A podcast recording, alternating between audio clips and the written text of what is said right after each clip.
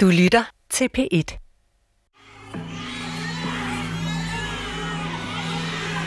Rummet er fyldt med babyer i store, gennemsigtige plastikkasser. Mange af børnene græder, andre ligger og sover. Kvinder med mundbind går fra det ene barn til det andet, ærer det i ansigtet med en blå plastikhandske, eller sætter sutten tilbage i munden på barnet. Nogle af babyerne ser helt nyfødte ud. Andre ser ud til at være flere uger gamle. Flere af børnene har deres navn til at stå på maven. Pigerne har rød skrift, drengene blå. Babyerne har gener fra mange forskellige lande. Der er babyer fra USA, Italien, Spanien, England, Kina og Frankrig, Tyskland, Bulgarien, Rumænien, Østrig, Mexico og Portugal. Men lige nu har de alle det til fælles, at de aldrig har mødt deres mor eller far, og ingen ved, hvornår det kommer til at ske. Stribevis af forældre kæmper for at få lov at komme ind i det coronalukkede Ukraine for for første gang at få deres barn i hænderne. Et barn, de har bestilt. For bag hver og en af de nyfødte børn på videoen er der en rumor, der har båret barnet de seneste ni måneder. Men en rumor, som nu for længst har forladt klinikken og er vendt tilbage til sit eget liv, uden en baby, men med en relativt stor portion penge. Spørgsmålet er, hvilken pris de her rumøder selv betaler. Så dør det her. Jeg håber bare, det løser den her. Jeg kan ikke rigtig gøre det. Vi sidder i bilen og venter på at få svar på, om vi må komme fra Polen og ind i Ukraine. Det er 17 timer siden, vi tog fra Danmark, og nerverne er ved at være tyndslidte. Der er gået noget galt med vores papirer. Grænsevagterne har simpelthen ikke modtaget vores tilladelse. Jeg har tikket ham om at gå ind og spørge sin overordnede, om ikke de kan prøve at ringe til hjælp. Så lige nu ved vi ikke, om vi kan komme ind i Ukraine, eller om vi bliver nødt til at køre hele vejen tilbage til Danmark, uden Louise og Christians nyfødte barn. Fandt også tavligt, hvis regeringen ikke bare har sendt, altså, de kan sende det afsted, ikke? Jeg kan mærke Louise og Christians panik over, at de måske ikke får lov at komme ind. Især fordi de jo nu er bekymrede for, hvordan barnet har det, når deres rumor har forladt klinikken, og de ikke selv er der til at tage sig af hende. Men omtrent samtidig med, at vi sidder her og venter på, om vi kan komme ind i Ukraine, så begynder de ukrainske medier at fortælle om en video, som Christian og Louises surrogatfirma Biotex.com står bag. Det er den her video, som viser alle babyerne, der ligger i hver deres kuvøse og græder på et kæmpe babyhotel. Dear friends, as you may probably know, Ukraine is among the countries that have completely closed the border due to COVID-19. So Biotech.com forklarer selv, at de har lagt videoen op for at sætte fokus på, hvordan de lukkede coronagrænser forhindrer forældre i at komme ind i landet og hente deres nyfødte børn. And we ask other countries to make an exception from their policy and to let their citizens unite with their children. Videoen slutter af med, at chefjuristen hos Biotech.com, Dennis Skatterman, kommer med en opfordring til et internationalt samarbejde og en vejledning til, hvordan forældre via deres lands egen ambassade skal ansøge om dispensation for at komme ind i landet. Men hvor Biotech.com håbede, at de med billederne af de forladte babyer kunne appellere til at få åbnet grænserne for de nybagte forældre, så får videoen en helt anden effekt. Faktisk så ender den her video med at sende surrogatindustrien i Ukraine ud i en kæmpe shitstorm, og den kan ende med helt at lukke ned for de barnløse pars chancer i Ukraine. Ikke kun under coronaen, men for altid.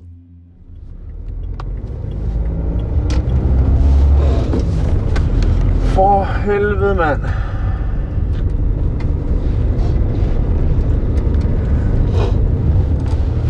Vi har jo det stykke papir, det er jo bare den, der ikke har givet det videre. Vi har ventet ved grænsen mellem Polen og Ukraine i snart 10 timer, og selvom vi bliver sendt rundt til den ene grænsebetjent efter den anden, så kommer vi ikke rigtig nogen steder. Altså, man kan godt forstå, at de ikke bare lukker folk ind. Og for helvede, der er er ikke- papir på, der er booket Jo, men det er der kantine Det og alt muligt.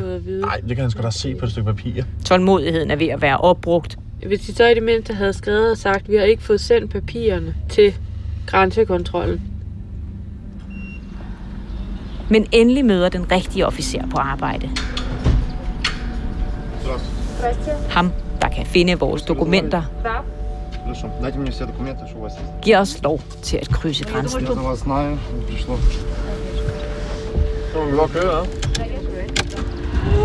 Ej, hvor er det sindssygt!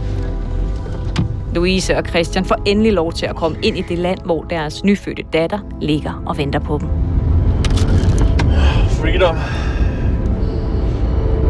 Jeg tror, jeg skulle dø på et tidspunkt. Ville besvime lige foran. Det er den vildeste græns- grænsekontrol nogensinde.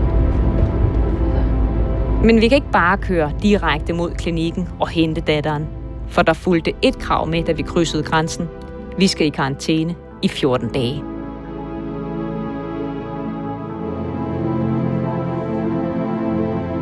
Kære dagbog. Vores karantæne er lang, og dagene endnu længere. Vi gør, hvad vi kan for at holde os underholdt, men det meste er fjernsyn og computer. Heldigvis har hotellet et rigtig godt internet, hvilket på ingen måde har været en selvfølge på de andre hoteller, vi har boet på. Jeg har simpelthen øh, desinficeret vores kufferter og vores sko her. De næste 14 dage skal vi bruge på et karantænehotel i udkanten af Kiev, kun få kilometer fra Louise og Christians datter. Louise og Christian har i princippet ventet fem år på at få det barn. Og i den sammenhæng burde to uger ikke være alverden, men det føles som uendelig lang tid, når man er så tæt på mål. Når datteren helt fysisk ligger og venter på dem, få minutters kørsel herfra. Hun ligger nemlig og venter på netop det babyhotel, som Biotix kom lagde en video op fra de tager sig det hele. Ikke? Altså, der kommer selvfølgelig noget ekstra regning på, øh, på noget børnepasning, mens vi ikke kan være sammen med hende. Ikke? Øh, så øh, vi giver 25 euro om dagen til øh, øh, ja, øh, fuld forplejning, så den kan få all inclusive øh, ved eller hvad måde man skal erstatning. øhm, og det er da betryggende, ikke? Altså, altså også det, de har lagt Altså nu har de jo så lagt videoer ud, ikke, så man kan se, hvordan de bliver behandlet og sådan noget. Men altså, vi har fået billeder og sådan noget, der det er jo fint. Altså, det ser jo fint ud. Ikke? Og vi ved bare, at nogle af de andre klinikker er mere, øh, hvor du selv skal sørge for tingene. Så jeg kan godt se et problem i, at hvis de ikke gider sørge for at, at passe dit barn, imens den her krigsstøtte kan være her, jamen hvad så? Så ryger barnet måske på børnehjem. Imens Louise og Christian venter på, at karantænen udløber, og de kan få deres datter, bruger de blandt andet tiden inde i den Facebook-gruppe, hvor de selv har fået hjælp. Jeg snakker med nogen fra Sverige og nogen fra øh, USA. Er der rigtig mange, der skriver fra. De står jo lidt øh, anderledes, end vi gør. De kan ikke lige øh, køre hertil. Øh, så de er, de er meget nysgerrige på, øh, hvad der sker, når man først kommer til Europa, og hvordan mulighederne er for at komme over grænsen. Øh, de ved godt, der kommer ikke mange fly. De prøver at dele deres erfaring med nogle af de mange andre forældre, der er fanget i deres hjemlande. Der er en, der skriver og spørger, øh, er du ikke sød at uddybe om øh, jeres rejse? Øh, vi skal afsted om en måned, hvor vi skal hente vores baby. Og hun øh, fortæller så, at de kommer fra Washington og spørger, om, øh, vi havde, om vi ville gå igennem Hviderusland, eller om vi kom andre steder fra. Øh, jeg tror, mange satser på Hviderusland. Der er vist lidt mere åben. After 33 hours in a car, we made it into Ukraine yesterday. It was awful and terrible, but we made it. Now we just have to get through quarantine and we will have our baby. I'm wishing all of you who has the journey in front of you the best of luck.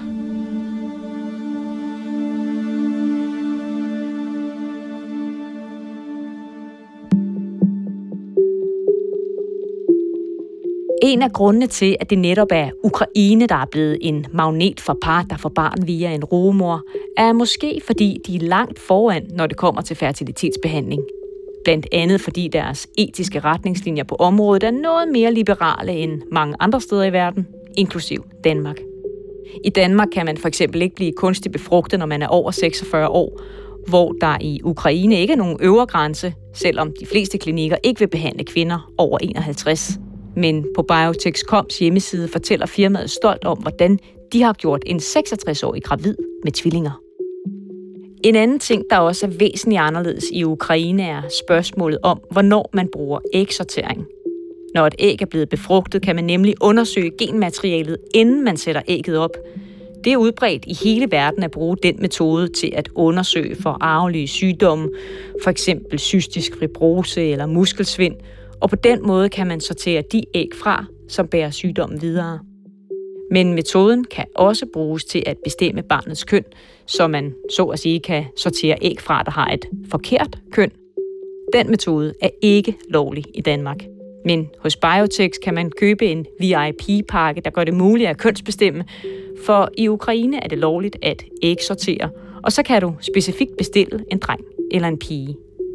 Ifølge Biotex er der især mange kinesiske par, der gør brug af den pakke.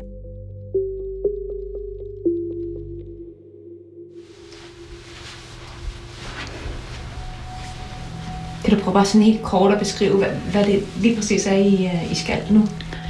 Øh, vi sidder og venter på at kunne øh, se vores datter på en videochat, som øh, hotellet har sat op. Udover det, så ved vi faktisk ikke så meget om, hvad der skal ske. Efter nogle dage spadet inde på hotelværelset, får Louise og Christian pludselig besked om, at de kan komme til at se deres datter. Nu sker der noget. Klinikken har sat et videoopkald op til dem. Så er der connector. Ja. Gud, vi kan se øh, hotellets babyafdeling. Oh, er det fordi, vi er nede i bar? Ikke? Er vi, Vi ligger i en kasse eller et eller andet. Nu skal Louise og Christian for første gang se deres datter i levende live. Vi står på... Jeg tror, vi står på et bord. Ja, Ja, vi står på wow. og man kan styre kameraet. Laura grineren. Ja. Åh, Nå.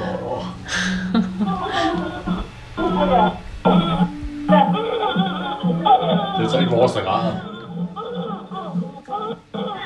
tror du ikke, det er det. Nå. Ej, hun sød. Hun ligner dig så meget. Det er ikke... Øh, det er ikke... Øh, det har ikke været virkelig før nu, synes jeg. Altså, at det øh, går op for mig, hvis man kan sige det sådan. Øh, fordi jeg tror bare, jeg har lagt det lidt til side, ikke? Altså, fordi jeg synes, det har været svært, ikke? Men så har jeg bare lade være med, eller ignoreret det, ikke? Jeg synes, det faktisk er lidt svært at se på. Hvor er hun sød. Ja, nu må det godt blive mandag hurtigt.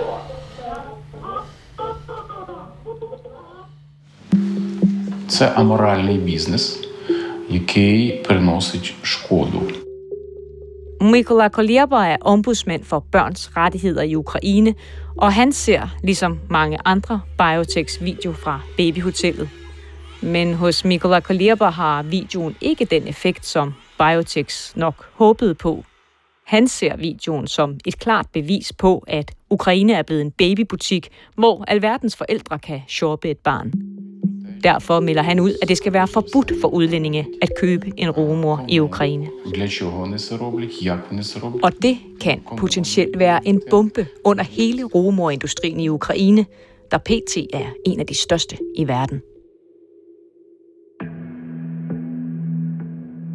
Udover kritik af industrien, så giver ombudsmændens reaktion nu også mulighed for, at vi kan få et helt unikt indblik i, hvordan den her branche egentlig foregår, set fra rumorens side. For sammen med sine udtalelser om, at det skal gøres ulovligt for udenlandske par at bruge en rumor i Ukraine, så poster Kuleba et uddrag fra en af de standardkontrakter, som de ukrainske kvinder skal underskrive, når de indgår en aftale med et par om at blive rumor. Kuleba vil vise, hvad det er, rumøderne rent faktisk skriver under på, og hvordan kvinden til syvende og sidst kun er en rugemaskine, som ikke har ret til sin egen krop, som han skriver. Og det er ret så mange krav, de skal opfylde. I den 29 sider lange kontrakt står der for eksempel, at rugemoren forpligter sig til Ikke at dyrke sex fra programmet er startet, indtil barnet er født. For manges vedkommende betyder det, at de ikke må dyrke sex i langt over et år. Der står også, at Under graviditeten må rugemoren ikke bruge offentlig transport, fly eller skib, med undtagelse af, når det er for at følge programmet eller er tilladt af beroet.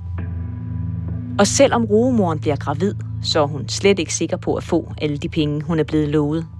Hvis hun aborterer, og det vurderes, at det er sket, fordi hun har brudt nogle af punkterne i kontrakten, så får hun ikke en krone.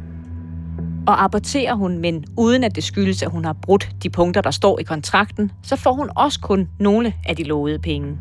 Aborterer hun for eksempel inden for de første 6 uger, får hun kun 3% af beløbet. Er det inden for 6-12 uger, får hun 5%, og sker det imellem uge 12 og 22, så får hun kun 10% af de penge, hun er blevet lovet i kontrakten. Det er på trods af, at hun kan have gennemført over halvdelen af graviditeten. Til sidst, når rugemøderne har født, når de så at sige har leveret det, de er bestilt til, så kommer lægerne fra klinikken og tjekker babyen, og så tager de den med hjem efter nogle timer. Og rumoren, hun tager hjem til sig selv og ser som udgangspunkt aldrig barnet igen. Det kan jo lyde ret barskt, og man kan undre sig over, at nogen vælger at blive rumor, når kontrakten opstiller alle de her krav til dem. Alligevel vælger et stigende antal ukrainske kvinder at blive rumødre. Jeg spørger Biotex.com om, hvorfor de mener, at kvinderne gør det. Det er et arbejde for dem. Nogle taler om, at de gerne vil hjælpe.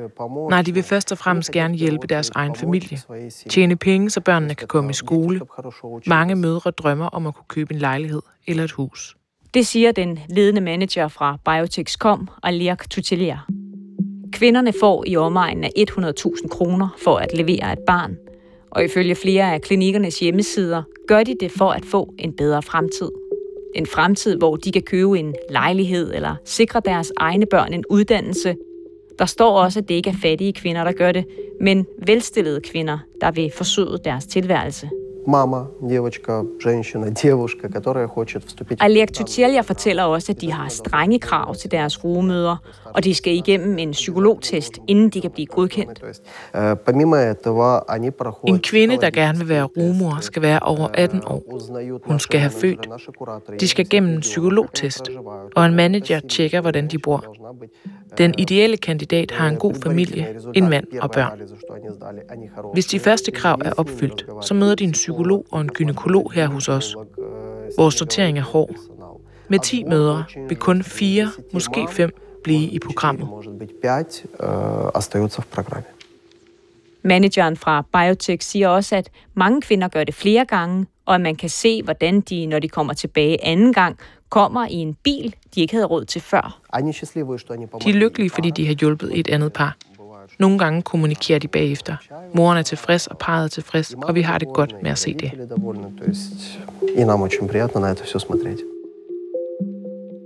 Det er jo et ret positivt billede af, hvordan det er at være romor. Men det er alt sammen Biotechs egen udlægning af romødernes motivation. Altså firmaet, der tjener penge på dem. Spørger man i stedet Katarina Tcherepacha fra La Strada, den internationale menneskerettighedsorganisation i Ukraine, så mener hun, at billedet er noget mere broet.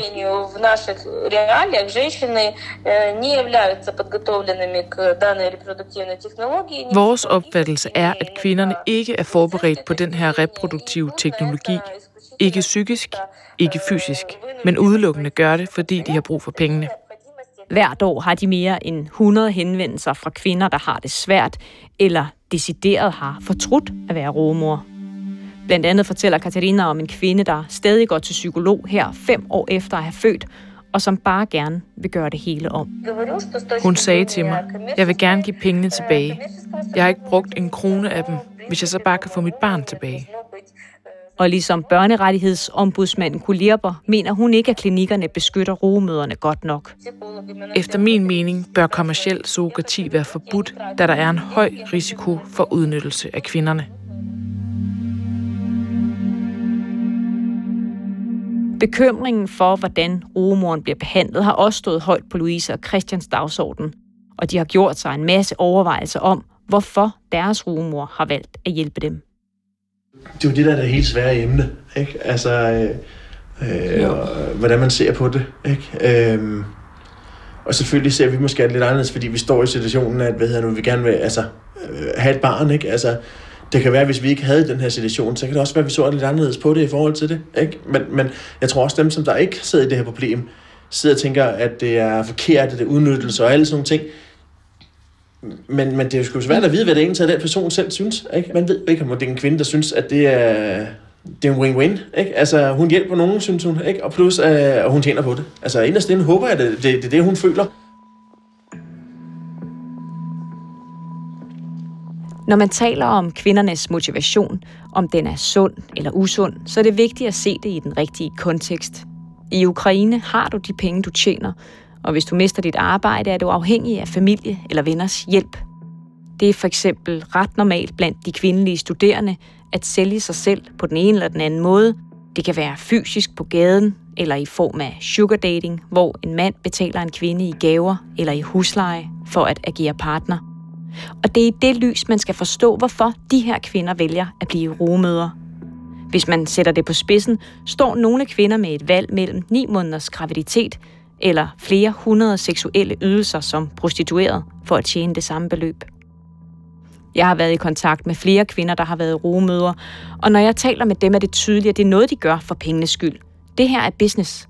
Nogle af dem har gæld eller har brug for penge til medicin. Og så længe det er lovligt at være rumor i Ukraine, men mere eller mindre ulovligt i en lang række andre lande, inklusiv Danmark, ja, så er der et kæmpe marked af barnløse forældre, der gerne vil betale for et barn. Kære dagbog. Mange vil sikkert sige, at vi har udnyttet en fattig kvinde i et fattigt land. Selvfølgelig er ukrainere fattigere end danskerne. Langt de fleste mennesker i denne verden er fattigere end danskerne. Vores rumor kan i princippet have det samme job som mig. Jeg er bare heldig at være født i et land, hvor jeg tjener mere i timen, end hun gør. Jeg tror også, at vi, at jeg i hvert fald har tænkt meget over, jeg går ud fra, at hende, der har været rumor for os, at hun har taget den her beslutning, fordi hun selv kan stå inden for den at det er kvindernes egen beslutning. Det er ikke noget, de bliver tvunget til. De gør det selvfølgelig for at tjene nogle penge, så de kan betale for skole, uddannelse, hvad det nu ellers skulle være.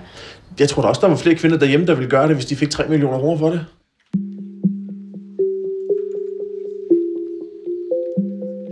Kommersiel surrogati er ulovligt de fleste steder i verden. Men lige nu er det blandt andet lovligt i USA, Rusland, Georgien og Ukraine. Michael Nebeling Petersen er lektor fra STU og har forsket i brug af rogemøder. Han har set, hvordan industrien flytter fra et land til et andet, i takt med, at det bliver gjort ulovligt. Så flyttede rigtig meget til Thailand, og det blev også forbudt kort tid efter, efter der var en, øh, skandale med et australsk par, som, øh, som efter sine efterlod det ene af sine tvillingepar, tog kun det ene med, og lod det andet barn, som havde Down syndrom, blive psykiatermorder. Øh, og det var der stor skandal om i, i, i Thailand, og det blev forbudt. Ifølge ham har et land som Indien også tidligere været meget populært. Man kaldte det på det tidspunkt sådan en, en psykiatri-hop for hele globalt psykiatri-hop. Men de ændrede også øh, øh, betingelserne for, hvordan man kunne få et medicinsk visum. Så psykiatri er stadig tilladt i Indien, men det er ikke tilladt at, øh, for de fleste rejse ind og, og få behandling, medmindre man er selv er indre.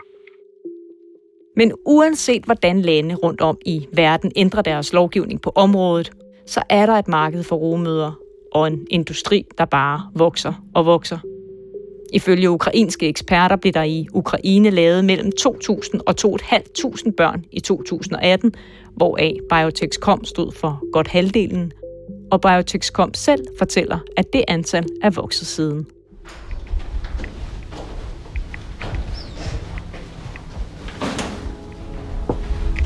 Vi har været i karantæne i 10 dage, og nu har vi fået taget coronatest, og de var alle sammen negative. Så regeringen har godkendt, at vi kan forlade karantænehotellet og flytte ind i en af Biotechs lejligheder. Er I pakket? Ja. Og det betyder, at tiden endelig er oprundet. Rimelig klar. Ja. Må det gerne være nu. I dag får Louise og Christian deres datter. Og første? Mærkeligt. Rigtig mærkeligt. Det er. Det, er, det er nogle lange timer, de her. Jeg var spændt. Måske er det om et par timer, man sådan seriøst bliver rigtig far, ikke? Eller hvor man får, øh, hvad kan man sige, får ind i, i hånden, ikke? Øh, jeg er jo far nu, ikke? Men hvad hedder det? Øh, men det bliver der, op i min hoved bliver det først rigtigt, når man først får hende lov til at holde hende selv, ikke? Altså, øh, øh, hvad kan man sige? Mærke hendes hjerte, ikke? Altså øh, slå. Øhm, ja. Så jeg er bare nervøs og spændt på, øh, at nu er der måske kun timer til, forhåbentlig.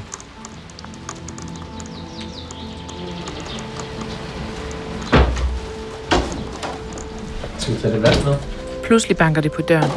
Jeg kan ikke åbne den, så jeg håber, at nogen er der til at låse op udefra. Der er ikke engang et kiggehul, så jeg kan se ud. Da døren åbner, står der to kvinder med store smil og kigger forventningsfuldt på mig.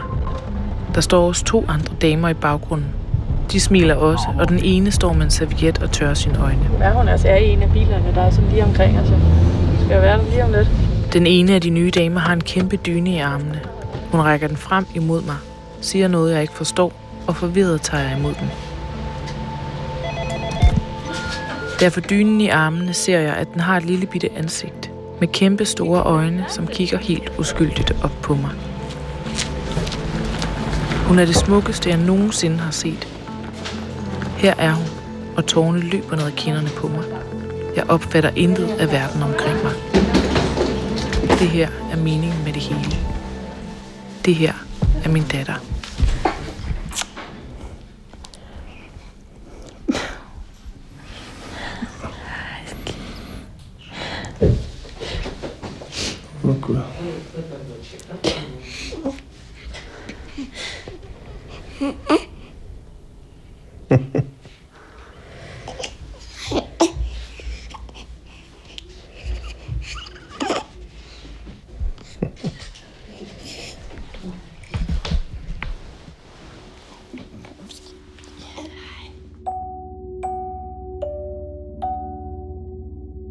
Her, fra det ene øjeblik til det andet, bliver Louise og Christian de forældre, de i årvis har kæmpet for at blive. Det virker som slutningen på den meget lange rejse, de har været på. For da jeg sidder her over for Louise og Christian, der med tårer i øjnene er helt forgabt i den datter, de lige har fået i armene, er det svært at forestille sig, at der foran dem nu venter en lang og sej kamp hjemme i Danmark. Men det gør der. For Louise er i Danmarks øjne stadig ikke barnets mor, og spørgsmålet er, om hun nogensinde vil blive det.